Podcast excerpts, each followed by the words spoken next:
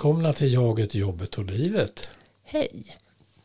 Idag så ska vi spinna vidare på temat från förra gången.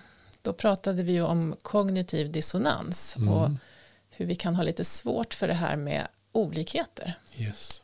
Förhålla oss till sånt. Och eh, idag så har vi då bjudit in Ann-Katrin Roth som under många år har jobbat i bred bemärkelse med just sådana här frågor. Hon har Mm. jobbat med jämställdhet och med mångfald och inkludering. Ja. Och det här är vi ju nyfikna på. Absolut. Ja. Absolut. Hur, eh, hur ser det här ut idag? Hur kan man förstå det här? Mm.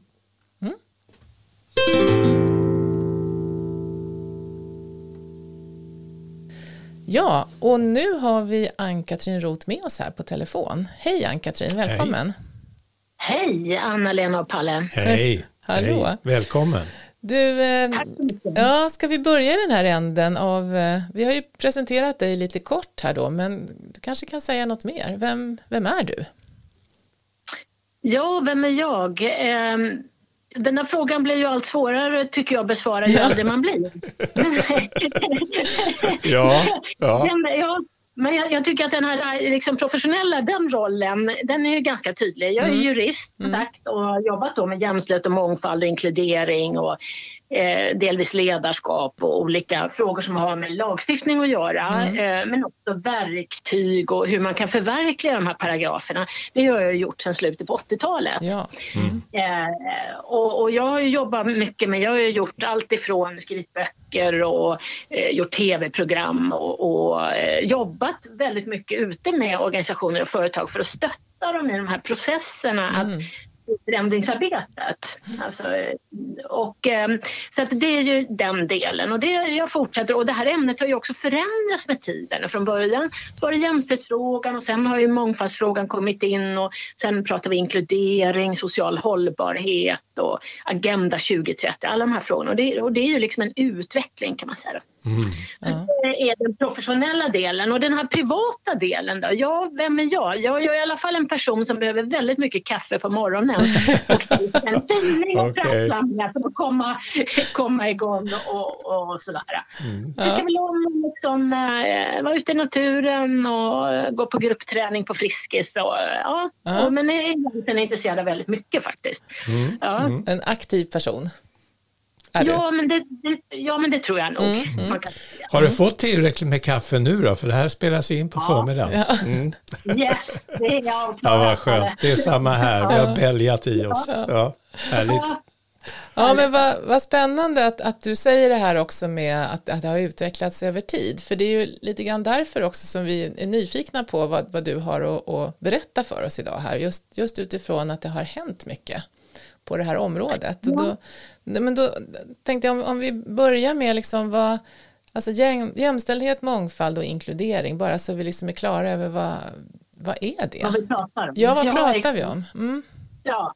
Eh, jämställdhet är ju begränsat till kön. Vi pratar kvinnor och män. Mm. Och det handlar om att kvinnor och män generellt ska ha lika eller samma rättigheter, möjligheter och skyldigheter inom livets alla områden. Mm. Eh, och det här handlar ju också om makten över sitt eget liv. Egenmakten är viktig för både kvinnor och män, men framför allt för kvinnor så är det här en fråga som man har fokuserat väldigt mycket globala sammanhang. Att skapa eh, eh, skapa möjligheter för kvinnor att kunna bestämma över sitt eget liv och även flickor såklart. Eh, men också ha inflytande i samhället, att finnas med och, och bestämma, inte bara inom politiken utan också vara med i organisationer och företag och ha en plats. Då. Mm.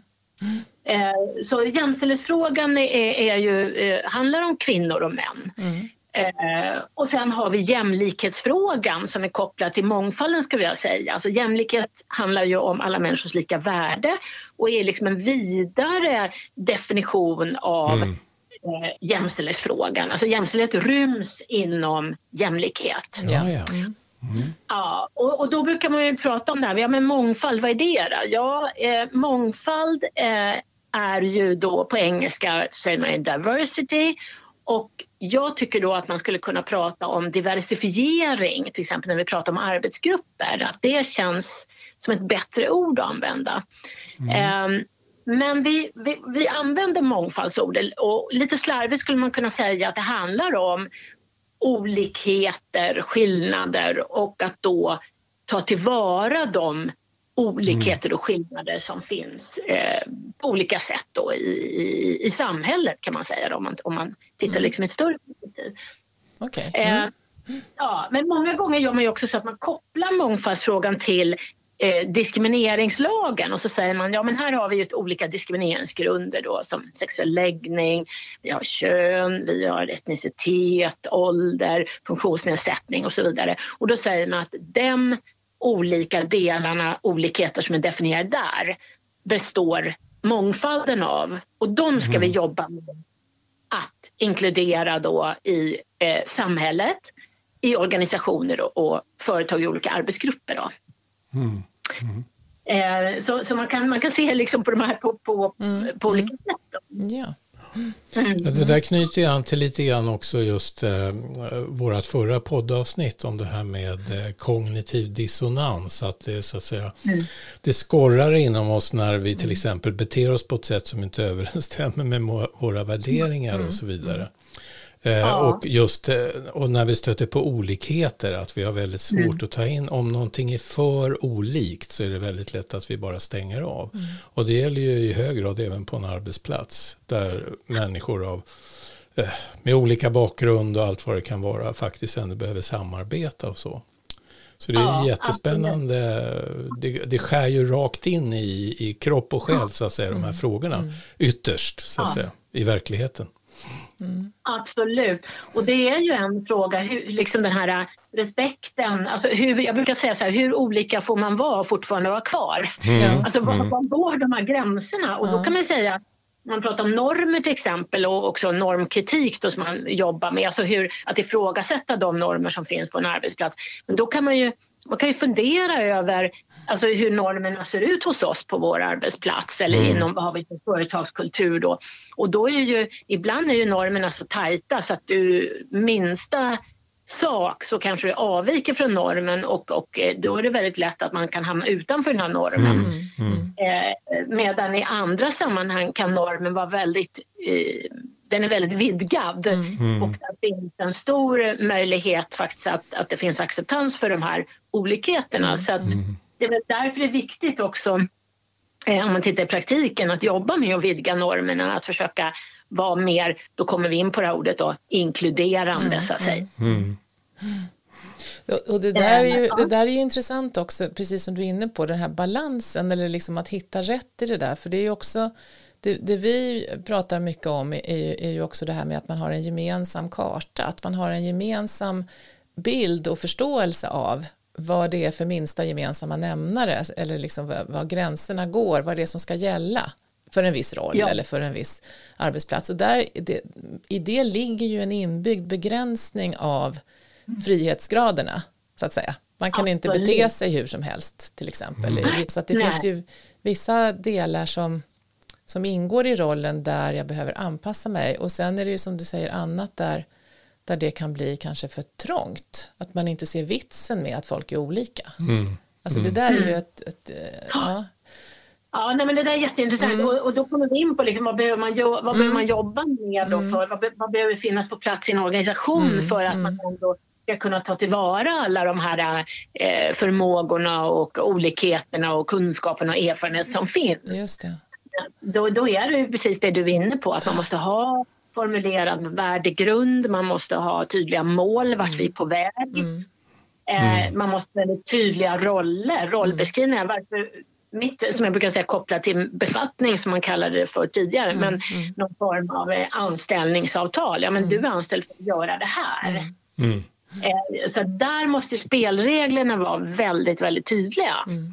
Mm. Så det blir en del, det, kan man förstå det så, då? det här att inkludering är också ett arbete med de här sakerna? Eller de, de blir en ja. förutsättning? Ja. Mm. ja, alltså, jag brukar säga att inkluderingen är ju eh, metoden, eller, mm. eller så att säga, mm. eh, det vi måste göra eh, när vi jobbar med att konstatera att jämställdhet och mångfald är viktiga frågor för oss. Mm. Eller man kan säga då lika behandling, vi ska inte diskriminera. Och vad behöver vi göra då eh, för att skapa de här arbetsplatserna som består av mångfalden? Ja, då är inkludering väldigt viktigt. Mm. Eh, och vad är då inkludering, mm. alltså inclusion? Ja, men det handlar om att du ska ha en känsla av tillhörighet. Alltså du känner att du tillhör gruppen, mm. du tillhör företaget.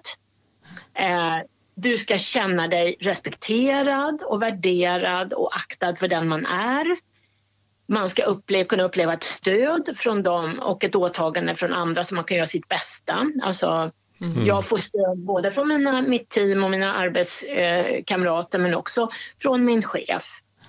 Och sen också det här att verkligen känna tillit och trygghet är ju väldigt viktigt på, på mm. en arbetsplats. Mm. mm. Och då kommer vi in på det här begreppet psykologisk trygghet också. Yeah. Vi, ska, yeah. vi ska inte vidga oss där, men det begreppet är ju mm. otroligt viktigt. Alltså att få göra, kunna göra fel och inte bli bestraffad. Mm. Eh, och sen kommer vi till en annan sak som är viktig och det är också att använda sig av och värdesätta människors erfarenheter och kunskaper. Mm. Eh, och, och, där har vi ju väldigt mycket att göra tycker jag i Sverige nu. Alltså du, du, så att det inte bara blir att vi rekryterar och anställer människor som någon slags alibi för att vi har mm, personer mm. Mm. ifrån eh, det här landet eller eh, ja, mm. som har den här bakgrunden. Då, mm. Utan att man mm. verkligen använder de kunskaperna. Just det. Och, och, ja, precis. Var, varför, varför är det viktigt då? Varför är det viktigt ja. att använda det? Ja. Ja, och jobba med de här frågorna överhuvudtaget. Mm. Ska säga, om man tittar, motsatsen till inkludering, vad är det? Ja, det är exkludering. Mm. Och det är ju utestängning, uteslutning. Och då tycker jag det bästa exemplet på det, det är ju mobbning och kränkande särbehandling och alla den typen av frågor, alltså att man, man är utanför. Mm. Vilket gör eh, att människor eh, mår dåligt, eh, effektiviteten minskar, resultaten blir sämre, Eh, det skapar olust att gå till jobbet, man blir, det är psykisk ohälsa och så vidare. Mm. Så att på den sidan finns jättemycket eh, av det här, eh, om man säger ja, men varför ska vi inkludera? Jo, för att exkludering är himla dåligt. Mm. Mm. mm. man vänder på det. Men det, där finns det ju massor av exempel varför inkludering är viktigt, inte minst arbetsmiljö som jag var inne på här då. Eh, Sen är det ju också det här med likabehandlingen, eh, alltså den här rättvisan då att, att eh, bli rättvist behandlad. Men sen har vi ju en jättestor del som handlar om tillväxt och lönsamhet och eh, mm. ekonomisk effektivitet och resurser och allt det där. Och där finns det ju väldigt mycket eh, forskning eh, som vi inte riktigt eh, i Sverige har tagit till oss eller vill ta till oss eller eh, vill prata om eh, överhuvudtaget tycker jag. Utan det börjar ju komma nu. Den här, där man ser väldigt tydligt kopplat till hur bra det går för grupper och företagsorganisationer som faktiskt är inkluderande. Mm. Mm. Eh, och där, där faktiskt, det finns en intressant rapport som Deloitte eh, eh där man tittade på det här och kartlade för några år sedan. Eh, och då visar man att inkluderande team presterar 80% bättre än liknande team som är mindre inkluderande. Ja, ja. Och då, alltså vi pratar alltså 80 det är ju inte ja, lite. Nej, verkligen. Mm. Det mm. finns en rapport som heter Waiter, is that inclusion in my soap? Eh, och sen heter den New Receipt to improve business performance. Uh, och den, den kan man ju ta del av den och läsa. Mm. Och, mm. uh. Men sen finns det en annan studie som uh, den här företaget Great Place to Work gjorde en analys och tittade på att företag som aktivt jobbar med inkludering de växer tre gånger snabbare sett till intäkter än de som inte jobbar med inkludering. Mm. Och det är ju också rätt ja, men det är svårt liksom att låta bli att jobba med det här. Mm, mm. Skulle jag, alla med, de många företag har ju ändå som mål att eh, man ska ändå tjäna några pengar. mm. Eller vara ekonomiskt effektiv kan man väl säga. Eh, så att, eh, ja men det är svårt att förstå att inte fler lägger manken till här skulle jag säga.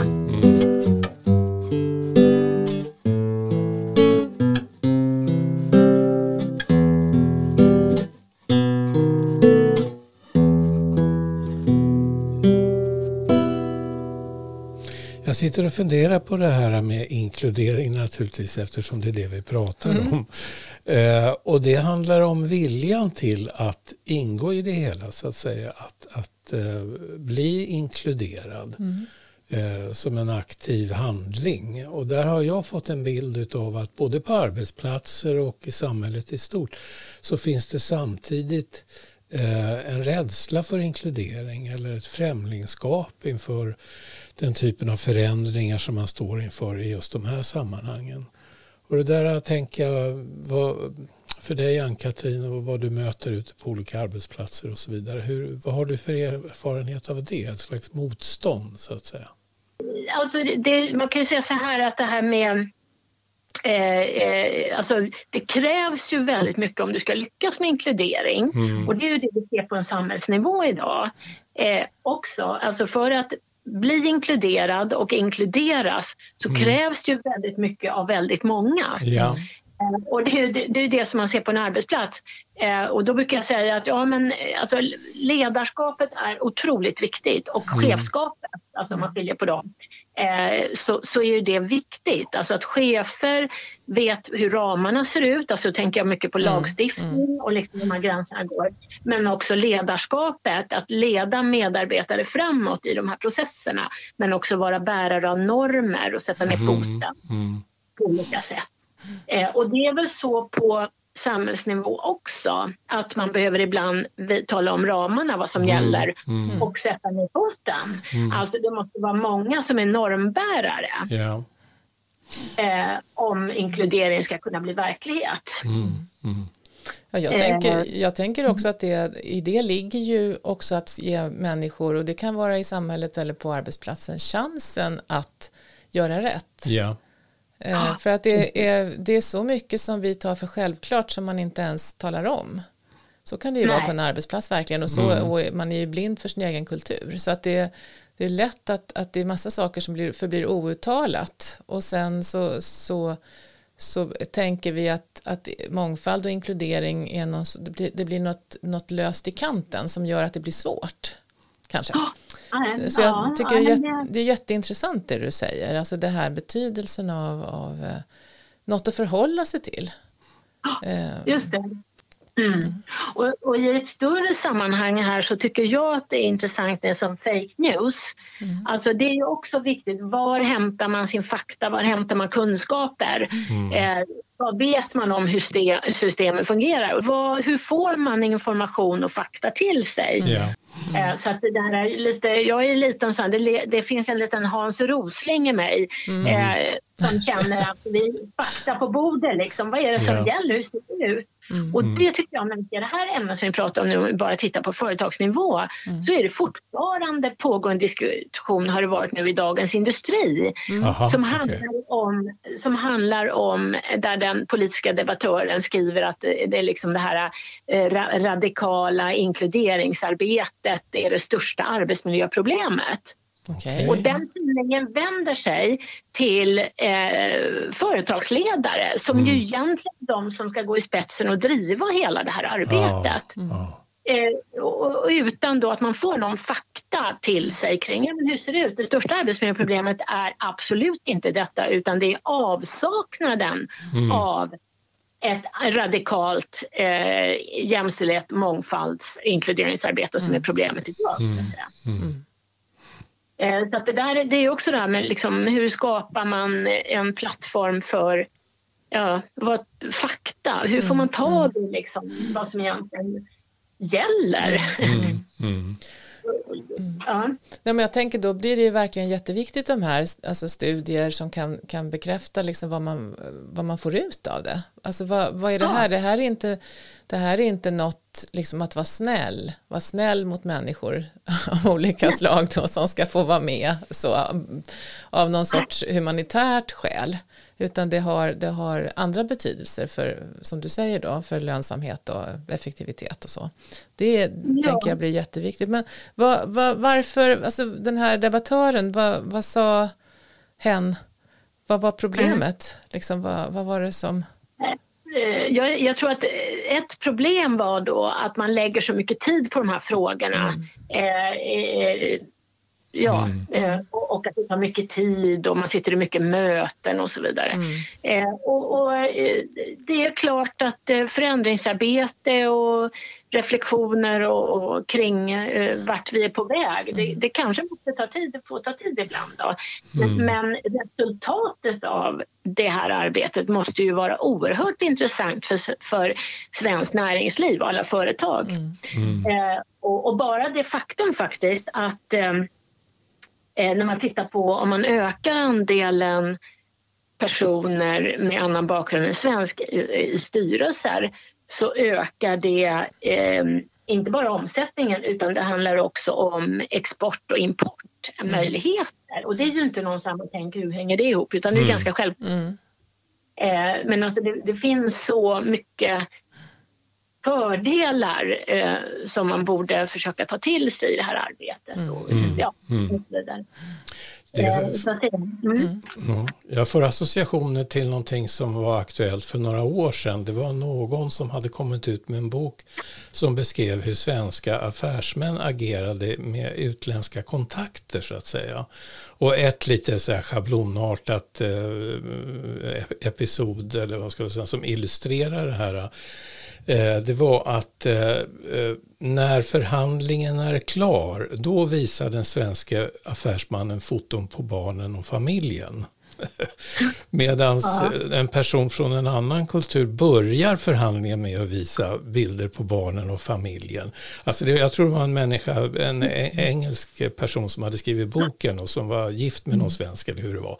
Som hade sett mm. det här att, att eh, det, det blev sådana här små krockar och det, det, är inte bra för affärerna. Mm. Och då kan man ju tänka sig att, att genom att inkludera och, och samarbeta och ha team som är uppbyggda av människor med olika kulturell bakgrund och så vidare så apropå import och export som du var mm. inne på, att då, då kan ju de här förhandlingarna löpa kanske mycket smidigare, man gör sig bättre förstådd när, när man faktiskt eh, har resurser i sin egen team eller på sin egen arbetsplats som förstår tänket mm. hos en annan mm. motpart liksom, som kommer från en annan mm. ursprungskultur, mm. någonting i den mm. stilen. Ja, nej, men jag håller med dig eh, helt och hållet. Och ett exempel är min dotter då, som jobbar, eh, jobbar på ett konsultföretag. Mm. Och de skulle börja jobba med Indien. De skulle lägga en del av sin ja. Eh, mm.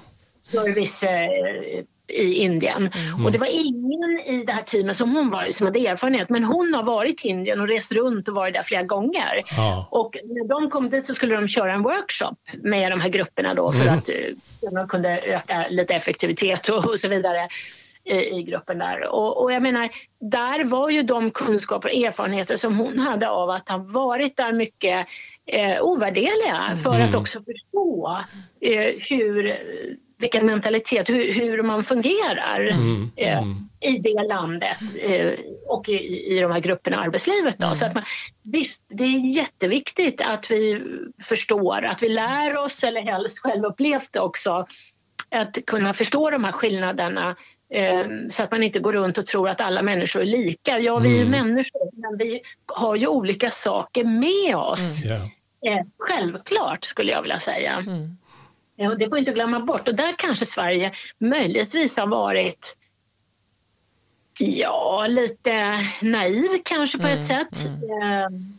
Eh, att vi, vi har tänkt att man inte behöver förklara allt eller man behöver inte beskriva saker. Mm, mm, ibland så, så, beskrivs ju Sverige då som lite självgott. Liksom. Vi, vi utgår från att det vi kan erbjuda är det bästa. Jag har svårt mm. att se att vad andra ska bidra med. Ja, och det kanske ja. ligger något i det, tänker jag, när du pratar om det här. Ja, ja liksom, men absolut. Mm, mm. Mm. Nej, att vara lite öppen och, mm. och försöka mm. förstå och, mm. och framförallt se sin egen ryggsäck och se sina normer. Och det är mm. därför det är en bra övning det här att också fundera över ja, men vad är det för normer som präglar vår grupp eller vår eh, eh ja, mm. Eh, styrelse eller ja, men mm. vårt land. Eh, liksom, vad, vad, är, vad är det att vara svensk egentligen, mm, förutom mm. att dricka kaffe och stå i kö? Mm. Eh, finns det fler saker mm. som vi har med oss? Mm.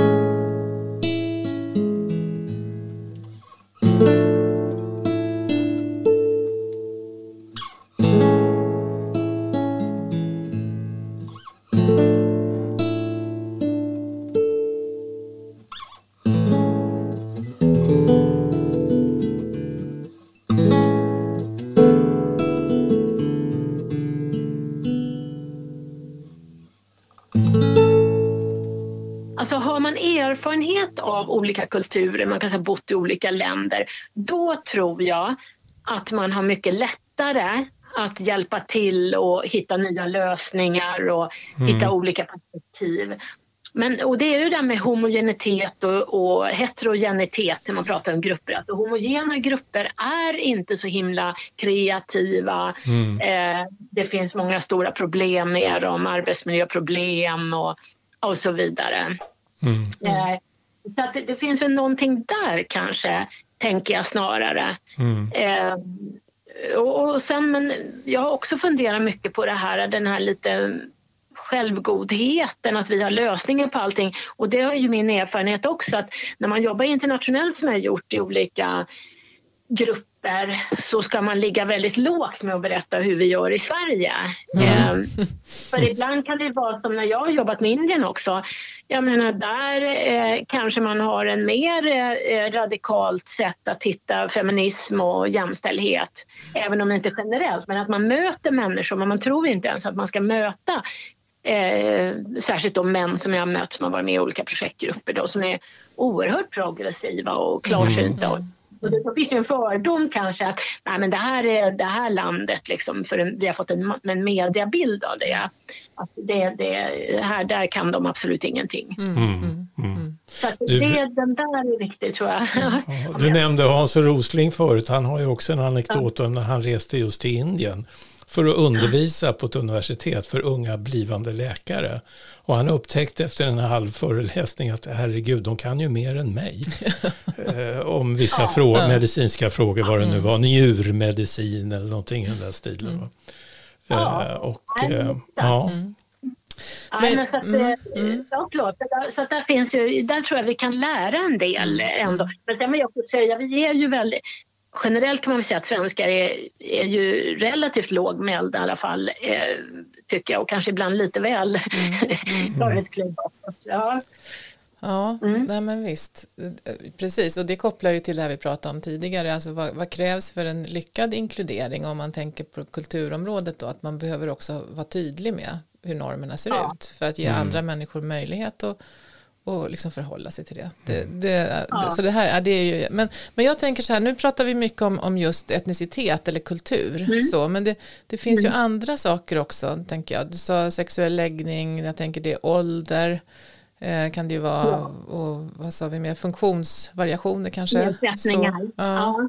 ja. precis. Ja. Nej, men, eh, det man kan säga är ju om man tittar på bara, ja men vilken diskrimineringsgrund av dem har man vi tittar på det? Mm. Vad är den, eh, var förekommer det mest diskriminering mm. i arbetslivet? Ja det är ju faktiskt på grund av ålder. Mm. Eh, ålderismet man pratar om, alltså det, där är ju eh, och där finns, det kan man ju till och med se, alltså, när man ser på TV, att vi har ju väldigt, vi har inte jättemånga som är så 70 plus. Mm. Eh, mm.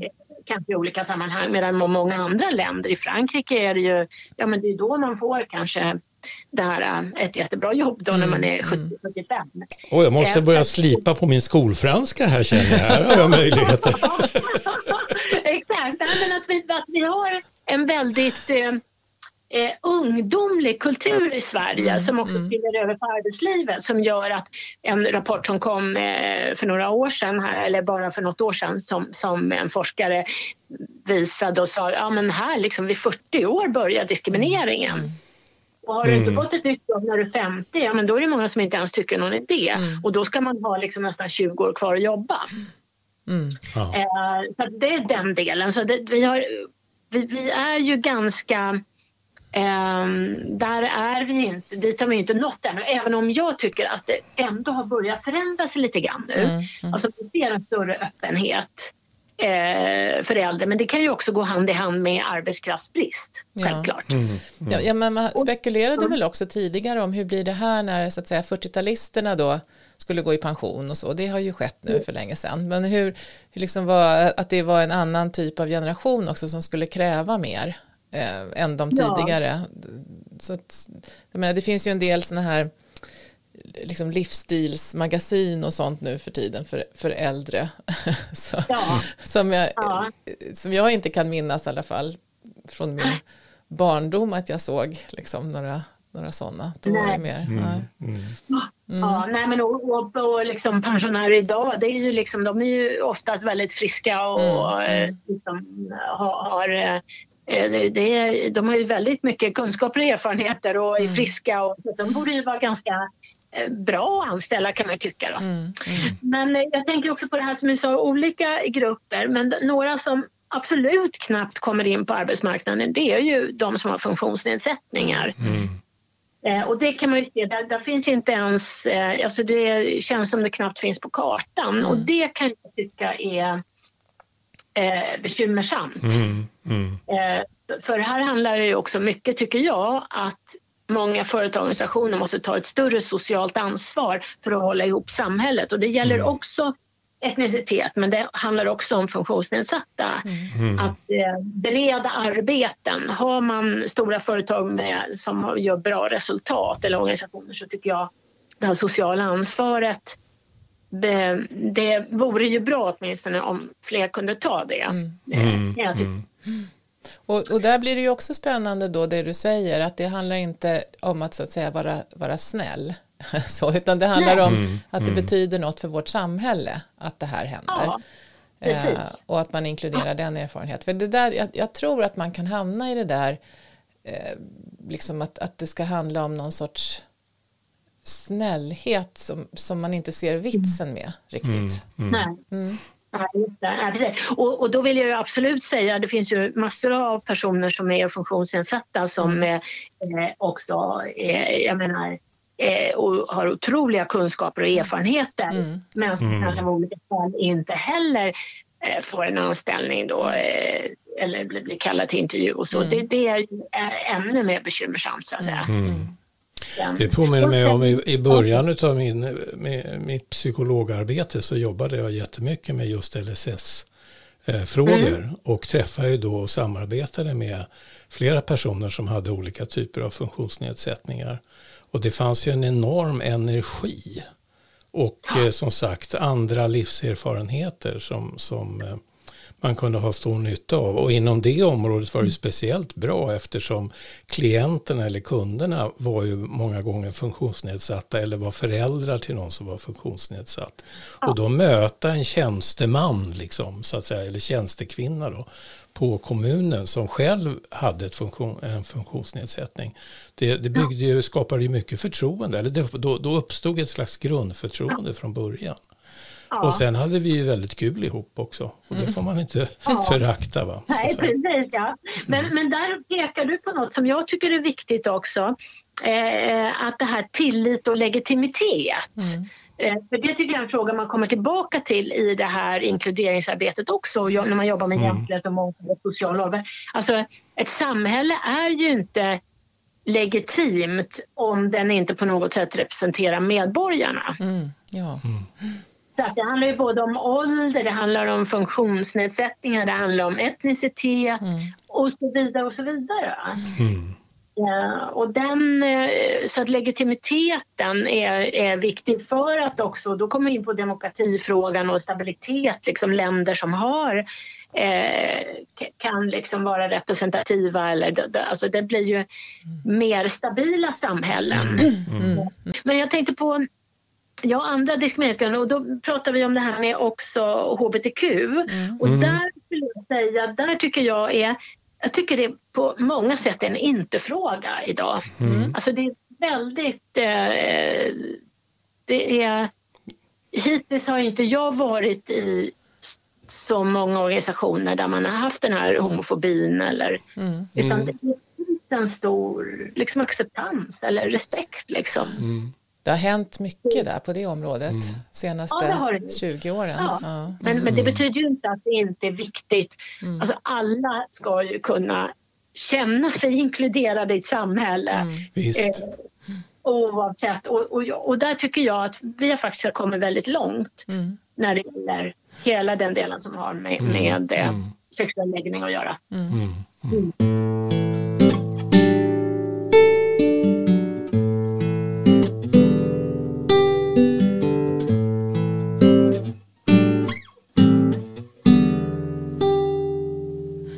Tänkte på, du pratade tidigare också inledningsvis om det här starka behovet av eh, respekt. Eh, för det här är ju ett sådant område där det blir lätt minerad mark och det är lätt att demonisera motståndaren och så vidare. Och vad är din erfarenhet när du har varit ute på olika sammanhang där det här har varit på tapeten? Är det, är det lätt att det flippar ut så att säga? Ja, det, det, det, precis. Du har lite rätt i det. Alltså det, det, det finns väldigt mycket känslor inom det här området mm. mm. eh, på alla möjliga sätt. Och, och, jag har väl landat i att jag tycker att det är viktigare, alltså man behöver inte vara PK hela tiden, politiskt korrekt, mm. utan det är bättre att man för en dialog och att man pratar om frågorna. Mm. Eh, lyft, lyft frågor på olika sätt och så. Och så tankar och så får man se var man landar. Mm. Men sen är du tillbaka, liksom, ja men fakta, vad säger de då? Mm. Liksom, ja. För det är mm. ändå det är också viktigt att skilja på fakta och åsikter. Mm. Eh, så det, det, är ju en del. Men, men, jag menar, sen måste man ju kunna prata och fundera på saker. Varför är det på det här sättet och hur ska mm. ja, man kunna göra på ett annat sätt eller ja, och så vidare. Och där, så att det inte bara läggs som en våt filt överallt och säger mm. det här kan vi inte prata om. Men mm. det finns en väldigt, som du säger, väldigt laddning i många av de här frågorna. Ja, upp, upprördhet och på, mm. från olika grupper. Man misstänker ja. att man är diskriminerad på något sätt. Jag tänker att det du pratade om förut, alltså vad är, när vi sa vad är vitsen med inkludering? Ja, alltså det är ju då motsatsen till diskriminering och uteslutning. Och att, att det på något mm. vis är också vår, hur, hur otroligt upprörda och vi blir när vi misstänker ja. att vi blir exkluderade på något mm. vis. Att vi, mm att vi särbehandlas ja. negativt. Mm. Just det, mm. precis. Och, och där är det också en viktig del, ja, det man har sett i olika studier i sjukvård, ja, men mm. det som jag har jobbat med under väldigt många år, mm. titta på. Man tittar på skillnaden med resurser och vad man får för eh, behandling kanske. Mm. Och så kan man ju mm. se att det finns skillnader på kvinnor och män som är ganska uppenbara. Alltså att kvinnor får resurser och sjukvård i, i, mindre utsträckning och på andra villkor än män. Mm. Och det man också har sett när man då vidgar det här och försöker titta på etnicitet så kan man ju se på skillnader där också. Mm. Mm. Eh, så jag menar, det är viktigt att gå till botten med kartlägga och titta på hur ser det faktiskt ut mm. och sen mm. Förhoppningsvis landa i, ja men eh, här har vi ändå försökt att göra det på ett eh, rättvist eller, eller ett rättssäkert sätt. Mm. För det är ju det det handlar om här, det är ju rättssäkerhet. Och att mm. inte få misstro hela rättssystemet. Mm. Mm. Men eh, det är ju först när vi börjar göra kartläggning också som vi faktiskt ser hur det ser ut. Mm. Mm. mm. Ja. Så att det är en viktig del. Och då kan man säga i en organisation, ja vad behöver vi göra? Jo, vi behöver kartlägga och titta. Eh, vi behöver försöka eh, få fatt på hur det ser ut och det kan man göra med medarbetarenkäter men där behöver man ju också dela upp dem på kön, ålder och man skulle kanske behöva titta på etnicitet, eh, alltså mm. vad är det för, mm. eh, vad har man för utslag då mm. eh, och så vidare. Mm. Nämligen löner eller vad det är, andra frågor då mm. som mm. kan studera. Eh, så det, det, är ju en viktig del. Vi måste få liksom en nulägesbild av mm. hur det ser ut. Och vi behöver inte göra det där varje år, men det räcker väl om vi, gör det, om vi börjar att göra det nu för att också jobba vidare och sätta upp mål. Liksom, mm. Mm. Ja, då, då bygger man en faktabank snarare än, än att man bara ja. utgår från sin känsla eller sin, sin, sina antaganden kring hur det är. Mm. Ja, men precis. och mm. kombinerat gärna med djupintervjuer tycker jag att man mm. får eh, eftersom medarbetarenkäter ibland när sådana undersökningar man gör kanske ja, eh, är inte heltäckande på något sätt men, men lite alltså djupintervjuer eh, och få fatt på vad människor eh, ja, hur de ser på olika saker. Mm, mm. mm. Och det tycker jag det är ofta en väldigt bra grund för att sätta igång det här arbetet. Mm, mm. Ja, ja, ja, ja, men för tänka, just det, alltså för om man nu det här är ju liksom ett jättestort område. Vi pratar om mm. det berör samhället och det, det berör liksom de mm. internationella frågor och så. Men sen är det ju också det här med, med arbetsplatsen då och grupper mm. och så. Då tänker jag om man kan du säga någonting om, om man då känner att ja, men det här skulle vi faktiskt behöva jobba med? Alltså hur, hur lyckas man då med inkludering? Ja, precis, hur lyckas man? Mm. Eh, det är ju inte så här quick fix, finns ju inte. Mm. Att vi mm. på tre månader. Så det är ett långsiktigt arbete. Eh, jag brukar säga ja, men fem om fem år kanske vi kan mäta liksom, och se att ja, men nu, har vi, nu är vi på god väg. Mm. Och nu har vi, eh, om det nu är så att man också ska förändra kulturen i mm. organisation eller mm. företag. Att vi ska gå från något till något annat. Så att säga. Ehm, eh, men att det, det, tar tid att jobba och det, det, kräver ju väldigt mycket. Och här är det ju så att det, för det första måste vi, tycker jag då, se hur det ser ut. Mm. Vi måste göra den här analysen. Sen måste vi bestämma vart, var vi vill vara om fem år eller tio år. Alltså mm. vad, vad vill vi, vart är vi på väg och vart, var vill vi vara? Mm. Eh, och göra det. Och där är ju ofta ledningsgruppen som måste eh, så att säga göra en riskanalys av mm. eh, vad, vad händer om vi inte gör något idag? Mm. Eh, och vad händer om vi gör något? Att man har den här diskussionen. Mm. Mm. Sen börjar alltid ledningsgruppen helt enkelt. Och det, det, är inte, alltså det, är, det är ju så att det är ledningen som måste, och ytterst är ju VD naturligtvis, mm. som är, blir bärare av eh, det, det, här liksom, arbetet som man mm. sätter igång. Och sen är det ut på, med cheferna och sen är det ut på arbetsplatserna med chefer och medarbetare att prata om de här frågorna och mm. kanske sätta upp konkreta mål för varje arbetsgrupp. Det här mm. vill vi på. Mm. Eh, och sen får man säkerställa till exempel rekryteringsprocesser, kvalitetssäkra olika processer och då skulle jag börja med rekryteringsprocessen för den är ju väldigt viktig. Mm men att titta på då vad, eh, vad, vad, får vi de personer vi vill eller vilka som söker till oss och hur skulle vi kunna vidga så att säga rekryteringsunderlaget här. Eh, vad kan vi göra för det liksom för att få fler i äldre och yngre och lite med bättre blandning. För mm. vi har också det här med, med, eh, som vi inte pratar om så mycket, med sociala grupper också, eller klass eller man ska säga. Ja. Där är ju också en fråga som är viktig. Mm. Mm. Eh, få in lite olika bakgrunder så att säga. Mm.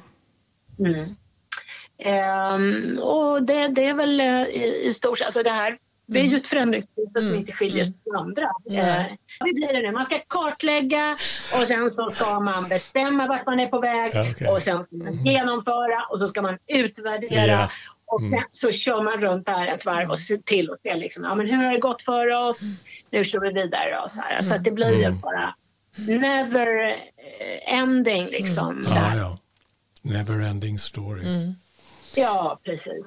Ja, så att det är ehm, och, och naturligtvis trovärdigheten i att ehm, vi, vi, vi handlar som vi säger att vi mm, handlar. Mm, mm.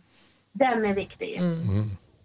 Ja, men jag, jag eh. tänker också på det du var inne på tidigare, det här med, med tydligheten. Alltså du sa då tror jag det här med tydliga mål och, och tydlighet kring normer och, mm. och sådär också, att det är i den här processen. Ja. Ja, nej men precis. Så det, det, är ju... Eh, det, det, krävs mm. ganska mycket. Men jag tycker också att det är viktigt i det här då att man tittar, ja men vad gör vi redan? Mm. Och mm. Alltså att man inte tittar på nya processer utan mm. att man faktiskt integrerar det ja. i de processer som redan finns. Så mm. att det inte blir en till liksom. Ja. Mm. ja.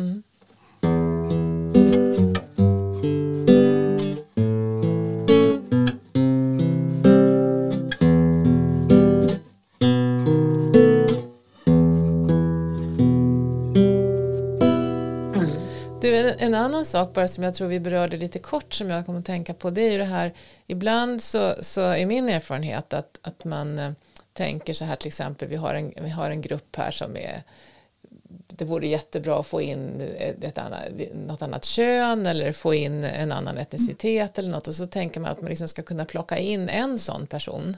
som, mm. som liksom ska ja. representera det och, och, det blir ju aldrig särskilt bra. Den riskerar ju att bli gisslan ja. på något vis, som man är med ett, ett alibi. Liksom. Och då sitter mm. man där och är kvinnan i den här styrelsen eller, eller att säga, mm. den, den med utländsk härkomst liksom, i, ja. i den här mm. ledningen då. Ja, och ska på något vis bära det perspektivet själv. Så är det något du ser också? Ja, men det är det ju. Mm. Senast nu så var ett program på TV, Ekonomibyrån, mm. och då var ju den här inkluderingsfrågan uppe och diskuterade och då hade man till, eh, det var några få personer då som var med i den här diskussionen och då var det en ung kille med invandrarbakgrund mm. som överhuvudtaget inte hade reflekterat så mycket över de här frågorna. Man hade startat något företag och var framgångsrik. han fick ju liksom representera då invandrare eller, Mm, ja, mm. och, och, och utan att han överhuvudtaget visste eh, någonting om de här frågorna. Mm. Eh, så att det, det här är liksom eh, det, det, det är intressant på så sätt. Mm. Vem har rätt att representera vem också? Mm. Mm. Eh, har, har jag rätt att representera männen eller har jag rätt Mm. att representera personer med annan bakgrund eh, Mm. eller funktionsnedsatta? Alltså, hela den problematiken Mm, blir också intressant här. Mm, mm. Men, men eh, precis, de här förväntningarna, de, då, det är viktigt att man kommer bort ifrån dem. Ja, Mm. och då är ju ett råd som alltid finns, det är ju att man inte ska rekrytera in en person, alltså en kvinna eller Mm. en man, då, Mm. utan faktiskt Mm. rekrytera in fler. Mm. Mm. Så att det inte blir så mycket att man bara stirrar på den där personen Nej. så blir den jag jobbade i pappersindustrin många år Mm. eh, med de här frågorna och då var det så här, ja men ska, vi inte, ska ni inte försöka rekrytera in kvinnor nu i produktionen då? Nej, vi eh, gjorde det eh, tidigare men, men det blev inte bra så att vi har prövat det en gång med kvinnor. Ja, Det gick inte bra. nej. Eh, och då var det någon kvinna då som fick bära hela, men Ja. det gick inte bra där tyckte man då så Mm. tvingade jag att pröva igen. Det påminner mig om när jag som ung förskräckt man arbetade, tog anställning som vårdbiträde på en akutmottagning. Och efter ett par veckor, jag fann mig väl till rätta och sådär, men efter ett par veckor var det en, en, en kvinna då, en kvinnlig kollega som sa till mig att åh, det är så skönt att ha en kar på arbetsplatsen, vi känner oss så trygga. Ja, just det. Precis. Då fick du ta hela den biffen. Ja, ja precis. Ja, men det var, och det var ju, det här var på 70-talet, så att då var det ju väldigt Ja. mycket mer liksom cementerat med gamla, gammalt könsrollstänk och Mm. alltihopa det där förstås. Då, då. Men idag kanske det inte riktigt skulle. Ja, det kan nog sticka hem. upp ibland, det, det Kan det tror jag. Ja, ja. Man har ju, de här bilderna sitter ju ganska hårt, vem som Mm. passar för vissa typer av jobb. Då. Mm. Och, och det, men där kan man, jag tror man har jobbat rätt mycket i barnomsorgen med just det här med förskollärarna. Då. Alltså att män som kommer in, att de förväntas då Mm. eh, hålla på med de här grejerna som eh, normalt så är liksom associerat Ja. till va, män och killar och det ska busas, det ska snickras och så vidare. Mm. Och, och där har man jobbat mycket med att, men, att inte att vi inte fastnar i det här Mm. liksom, Mm. tänk, att det inte blir något bra. Mm. Mm. Eh, så medvetenheten har ju definitivt ökat i samhället Mm. när det gäller de här frågorna. Och det kan man ju se i skolan har man jobbat mycket, åtminstone i de lägre klasserna har man jobbat Mm. mycket med de här frågorna. Så att det är tack och lov kan man säga då. Mm. Ja, och då kommer jag att tänka på just alltså det här hur lätt det är att man blir stereotyp i sitt tänkande när man, när man liksom ska då jobba med sådana här frågor. Att man tänker att vi ska, Mm. alltså det, för, för att man, inte vet jag, om man är arabisktalande, det kan ju, man kan ju vara på tusen olika sätt. Alltså det är ju, det är ju bara man tänker man ska ha in någon som har en, en annan etnisk bakgrund, någon som kommer från Mellanöstern. Alltså det, det, Mm. det, det, det är, alltså att, att man missar variationerna liksom i det. Man, Ja. man, man tänker precis som det här, vi ska ha in en man och då kan han naturligtvis snickra. Det, det är ju inte alls säkert. Det finns ju tusen olika variationer av, bland män. Så att säga. Och, och, och, men på något vis tänker jag i det här just med etnicitet så upplever jag ibland i, i debatten så att det blir som om alla var stöpta i samma form. Mm. Liksom. Ja. Ja, och att man kanske inte, man, man skiljer inte ens på Nej. olika länder och kulturer. eh, Nej, visst. Utan eh, det är någon eh, som har invandrarbakgrund som Ja. är här nu. Jaha. Ja, det är också intressant. Mm. Det, Mm. säger, att, det, ja, att det är lätt att placera i olika fack då. Mm. Vem man är och vad man kan och Ja. hur man och så vidare. Ja. Mm. Ja, för då blir ju frågan också vad är det vi vill inkludera? Liksom, vad är det vi Ja. tänker oss att vi får för, för olikhet här nu? och är Ja, det, liksom, det, det kanske är likt, mer likt än vad vi tror. Eller, Ja. det, det finns ju också i, i det, det som verkar likt finns det ju mycket olikheter som döljer sig. Så att det, det, vi, det är inte så, Mm. inte så endimensionellt det här. Det, Nej, det är svårt. Ja. Alltså, och det du är inne på nu, det är ju en sak som är jättespännande, Mm. nämligen okej, nu har vi en ledningsgrupp här som är en kvinna, en man och en ifrån eh, Iran och sen har vi de här olika länderna och så vidare. Mm. Men de har faktiskt gått på samma skola alla. Mm, De har samma utbildning, de kommer Mm. från samma specialgrupp, mm, de har samma fritidsintressen. mm, Ja, det är egentligen en rätt homogen grupp. Ja, ja. Och då är, det, då är frågan, vem får representera vem? Mm. Är det ändå så att vi tycker att det är viktigt att ha den här mixen av människor mm. i den här mm. ledningsgruppen? Mm. mm. Ja, därför att vi har också en signaleffekt av, eh, liksom ett signalvärde mm. ut i organisationen som mm. någonting vi ser. Eh, men samtidigt är frågan, vad, ja, så att det, är som, det är inte helt enkelt. Nej, nej. Ja, det här är jättestort. Det är ju så mm. stort. Alltså, vilken resa det är det här, ja. Det här poddavsnittet. Ja. Vi rör oss högt, från högt till lågt, från lågt till högt. Ja. Ja. Men ska vi, apropå det då, ska vi försöka sno ihop den här ja, säcken? Det kan du göra. jag sätter, jag lutar, Ann-Katrin och jag, vi lutar oss tillbaka nu, sätter dig i båten och vinkar adjö. Vi gör det tillsammans. Ja, ja vi gör det tillsammans. Vi snor ihop där. Mm. Ja, men vad man kan säga då, eh, tycker jag, det är att inkludering är väldigt viktig fråga att jobba med. Mm. för företagsorganisationer och för Sverige i stort. Men om vi håller oss till arbetsplatser så är inkludering viktigt av alla möjliga skäl. Men mm. om man, alltså det finns ju ett skäl tycker jag som är väldigt intressant för företag. Och det är ju faktiskt att det ger ett ekonomiskt resultat. Det handlar mm. om lönsamhet. Mm. Det handlar om att det är högre omsättning, finansiellt resultat. Mm. Och det är eh, fakta, det är forskning som vi inte tagit till oss mm. och som vi inte mm. verkar vilja ta till oss eller förstå. Mm. Att det, att det här handlar om en, eh, om ekonomi, förutom då såklart att ta tillvara kunskaper och erfarenhet som människor har mm. och att de genom att bli inkluderade också kommer att bidra i samhället och till mm. företagen mm. på ett sätt. Alltså det, det, det, är ju bara win-win på det här. Eh, och sen är ju frågan, ja men hur gör vi det här? Ja då kan man säga, ja men det är, en, det är en lång resa men det börjar alltid med de som har makten. Det är de som har makten och som har rätt att definiera eh, frågorna som också måste vara drivande. Alltså VD, ledningsgrupper eller våra mm. politiker kan man säga. Ja. Eh, och sen är det ett gnetande. Man gnetar på i sitt arbete mm. och det gör man genom ledarna och ledarskap. Man, man måste ha bra chefer helt enkelt mm. ute på mm. arbetsplatsen. Mm. Eh, och så behöver man jobba med ledarskap, medarbetarskap. Eh, ja, mm. så, och att det tar tid, det är väl det man får. Men det också är roligt och att människor vill. Det skapar en bra arbetsmiljö. Människor vill mm. träffa både motsatt kön och människor i olika åldrar och olika vad man har för erfarenheter varifrån man kommer. Alltså det är också väldigt tydligt. Mm. Mm. Ja, så det är mycket att vinna, mm. väldigt lite att förlora.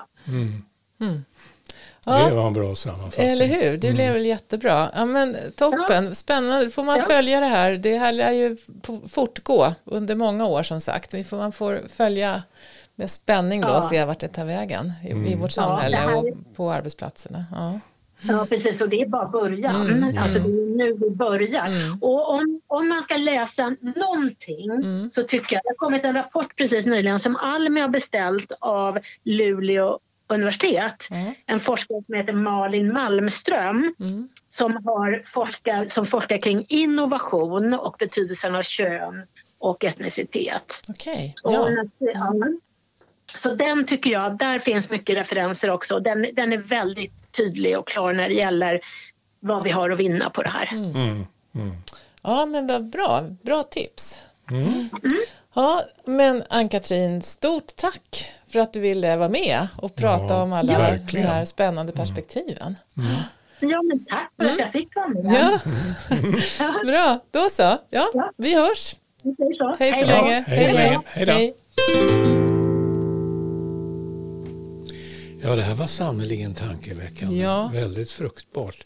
Innan jag glömmer bort det så mm. vill jag lyfta fram någonting som Eh, fastnade hos mig verkligen på slutet här nu. Mm. Det var när Ann-Katrin sa det här om att eh, det finns så mycket att vinna och så lite att förlora. Mm. Mm. Det tyckte jag var en väldigt bra sammanfattning mm. om hur man ska se på det här. Då. Visst.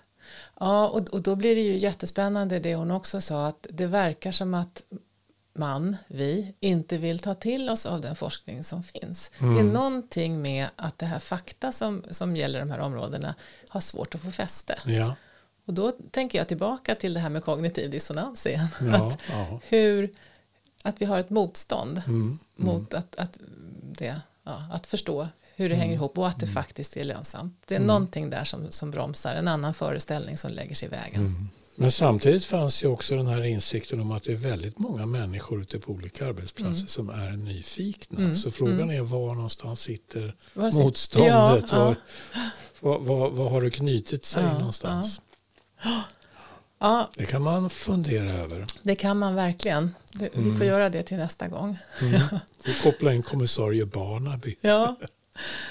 Nästa gång i alla fall då, då så ska vi ta, gripa oss an det här rykande färska ämnet som handlar om eh, återgång till något sorts normalt läge efter pandemin. Mm. Nu i dagarna här så släpps ju eh, restriktioner och man tar bort det här med samhällsfarlig sjukdom. Mm. Och då så kommer ju många människor att komma tillbaka till kontoren som kanske har jobbat hemma. Ja. Och det dyker upp frågor kring hur, hur ska den där balansen se ut? Mm. Eh, och då blir ju frågan hur blir det där funktionellt? Hur kan vi hålla ordning på tankarna så att vi riggar någonting som utgår från verksamheten och är bra för verksamheten och inte hamnar i någon sorts förhoppning om bara besparingar på kontorsyta kanske eller bara utgår från individers olika preferenser. Hur hittar man balansen? Mm. Mm, Ja, det Det- låter bra det. det gör det va? Mm. Ja, Då ses vi om tre veckor igen då. det gör vi. Mm. Hej så länge. Hej hej. Hej då.